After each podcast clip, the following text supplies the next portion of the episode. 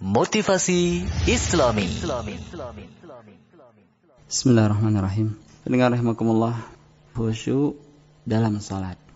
Hal ini sangat penting kita ketahui dikarenakan Allah Subhanahu wa taala akan mewariskan orang-orang yang khusyuk dalam salatnya berupa jannah, yaitu Jannatul Firdaus. Jadi Allah Subhanahu wa taala akan memberikan surga Firdaus kepada orang-orang yang khusyuk dalam salatnya. Sehingga kita harus mengetahui apa itu khusyuk, bagaimana kita bisa khusyuk dalam salat.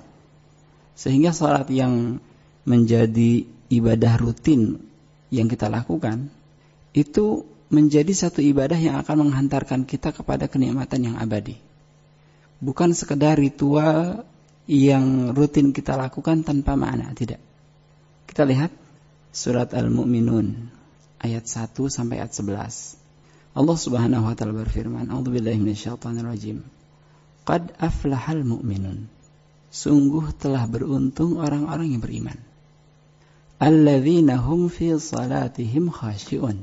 Yaitu mereka yang khusyuk dalam salatnya. Ini sifat pertama. Kemudian ada sifat-sifat selanjutnya sampai ayat ke-9 dalam ayat ke-10 Allah Subhanahu wa taala berfirman, "Ulaika humul warisun." Merekalah orang-orang yang akan mendapatkan warisan.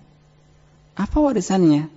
Alladzina yarithuna al-firdausahum fiha khalidun. Itu mereka yang akan mendapatkan warisan berupa firdaus.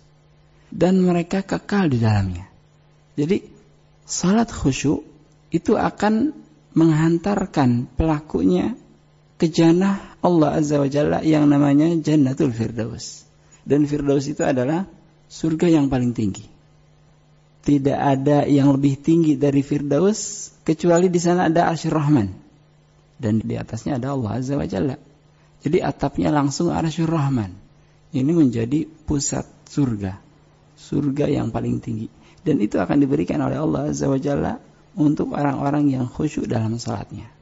Kemudian Ibnu Qayyim rahimahullah beliau mengatakan tentang firman Allah ini alakallahu falahal musallin bil khusyu' fi salatihim. Allah Subhanahu wa taala menjadikan keberuntungan orang-orang yang salat dengan khusyuk dalam salat-salat mereka. Fadalla ala anna man lam yakhsha falaysa min ahli falah. Dan ini menunjukkan kata beliau kata Ibnu Qayyim rahimahullah menunjukkan siapa saja yang tidak khusyuk dalam salatnya, dia tidak termasuk ke dalam golongan orang-orang yang beruntung. Jadi siapa saja yang akan mendapatkan keberuntungan itu adalah orang-orang yang khusyuk. Tidak khusyuk, tidak beruntung. Khusyuk itu terkadang bermakna lainul qalb. Artinya hati yang tenang. Lainul qalbi wa riqqatihi wa sukunihi. Ketenangan dalam hati فإذا خشع القلب تبعه خشوع الجوارح لأنها تابعة له ketika hati sudah khusyuk maka itu pasti diikuti oleh kehusyuan anggota badan dikarenakan badan itu akan mengikuti hati ketika hati khusyuk maka badan pun akan khusyuk ketika hati merasa tenang tentram ketika melakukan salat maka badan pun akan tenang akan tentram Selanjutnya, khusyuk dalam salat itu ibarat roh untuk badan kita. Ibnu Qayyim rahimahullah mengatakan, "Salatun bila khusyu'in wala hudurin kabadanin mayyitin la ruha fihi." Salat seseorang tanpa khusyuk dan tanpa merasa dirinya sedang salat itu seperti badan yang mayit, seperti badan mayit, badan mati yang tidak ada ruh padanya.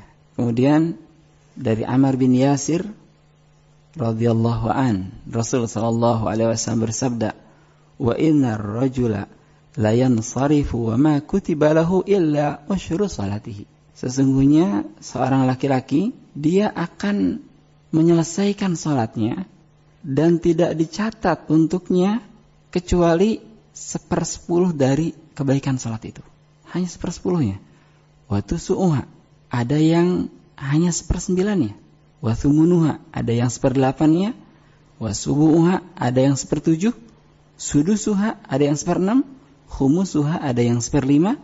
rubu'ha ada yang seperempat, sulusuha ada yang sepertiga, nisfuha ada yang setengah. Dia tergantung kekhusyuan. Semakin khusyuk seorang melaksanakan salat, maka semakin besar nilai salat yang akan dijadikan sebagai nilai kebaikan untuknya. Semakin jauh dari kekhusyuan, maka semakin sedikit juga nilai kebaikan yang akan dicatatkan untuknya. Hadis ini hadis yang diriwayatkan oleh Imam Abu Dawud. Maka di antara harapan ampunan dari Allah Azza wa Jalla yaitu dengan melakukan salat yang khusyuk. Wallahu a'lam.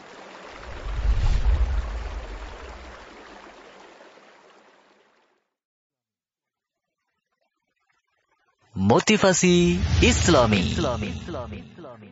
Pendengar rahimakumullah. Ada beberapa perkara yang harus kita ketahui agar membantu kita untuk khusyuk dalam sholat. Apa saja perkara itu yang bisa membantu kita untuk khusyuk dalam sholat. Yang kedua, ayanzurul muslimu ila maudhi'i sujud wala yaltafit fi salatihi. Hendaknya seorang muslim itu melihat kepada tempat sujud dan tidak boleh berpaling dari dari situ. Tidak boleh. Ini pun akan mendorong kekhusyuan. Ketika dia berdiri, lihat tempat sujud. Mulai dari takbiratul ihram, kemudian baca doa istiftah, kemudian membaca surat Al-Fatihah, kemudian surat yang lainnya. Itu lihat tempat di mana kita akan sujud. Nah, dari Abu Dzar Rasulullah sallallahu alaihi wasallam bersabda la yazalullah muqbilan 'alal 'abdi fi salatihi ma lam yatafit Allah Subhanahu wa taala senantiasa berada di hadapan seorang hamba ketika salat selama dia belum menoleh belum melirik ke kanan dan ke kiri. Fa idza sarafa wajhahu in sarafan ketika hamba ini mulai berpaling maka Allah pun berpaling darinya itu. Jadi di antara hal yang bisa menjadikan kita salat khusyuk yaitu melihat ke tempat sujud ketika berdiri. Kemudian yang ketiga, tadaburul Qur'anil Karim wal adhkar allati yaquluha fi salati, yaitu mentadaburi Al-Qur'an. Mentadaburi makna-makna bacaan Al-Qur'an yang sedang kita baca. Mulai dari bismillahirrahmanirrahim. Coba baca tafsirnya apa sih makna Bismillahirrahmanirrahim agar kita bisa mentadaburinya. Ar-Rahman, Ar-Rahim. Apa makna Ar-Rahman, Ar-Rahim? Baca tafsirnya agar ketika kita membaca dalam salat itu hadir makna-makna yang begitu agung. Hadir tadabur dalam diri kita sehingga kita khusyuk dalam salatnya. Atau ketika kita menjadi makmum dengarkan bacaan imam. Mungkin imam sedang membaca tentang ayat-ayat rahmah sehingga kita berharap kepada Allah Azza wa Jalla supaya dimasukkan ke dalam jannah. Atau mungkin imam ketika itu membaca ayat-ayat azab sehingga kita takut kepada Allah Azza wa Jalla. Mungkin Allah Subhanahu wa taala imam membaca firman Allah tentang perintah-perintah Allah sehingga kita bisa melaksanakannya setelah salat. Atau mungkin imam membaca ayat-ayat yang berkenaan dengan larangan-larangan Allah sehingga kita bisa meninggalkan larangan-larangan itu. Jadi adanya tadabur. Ketika ruku, ketika kita membaca subhana rabbiyal a'la, subhana rabbiyal azim, subhana rabbiyal azim, itu ditadaburi maknanya. Apa makna subhana rabbiyal azim? Maha suci Allah yang maha yang maha besar, yang maha perkasa. Memang Allah Azza wa Jalla azim, besar sekali. Kemudian ketika ruku subhana rabbiyal a'la, maha suci Allah yang maha tinggi, tinggi kedudukannya dan tinggi dari segi zatnya. Allah Azza wa Jalla.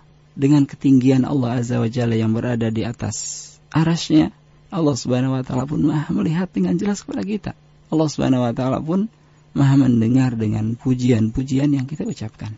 Jadi ada tadabur dengan Al-Qur'an dengan dan juga zikir-zikir dalam salat yang kita baca. Allah Subhanahu wa taala berfirman dalam surat Muhammad, "Afala yatadabbaruna al-Qur'an am ala qulubin akfaluha?" Apakah mereka tidak mentadaburi Al-Qur'an ataukah hati-hati mereka yang sudah ditutup? Jadi harus ada tadabur. Allah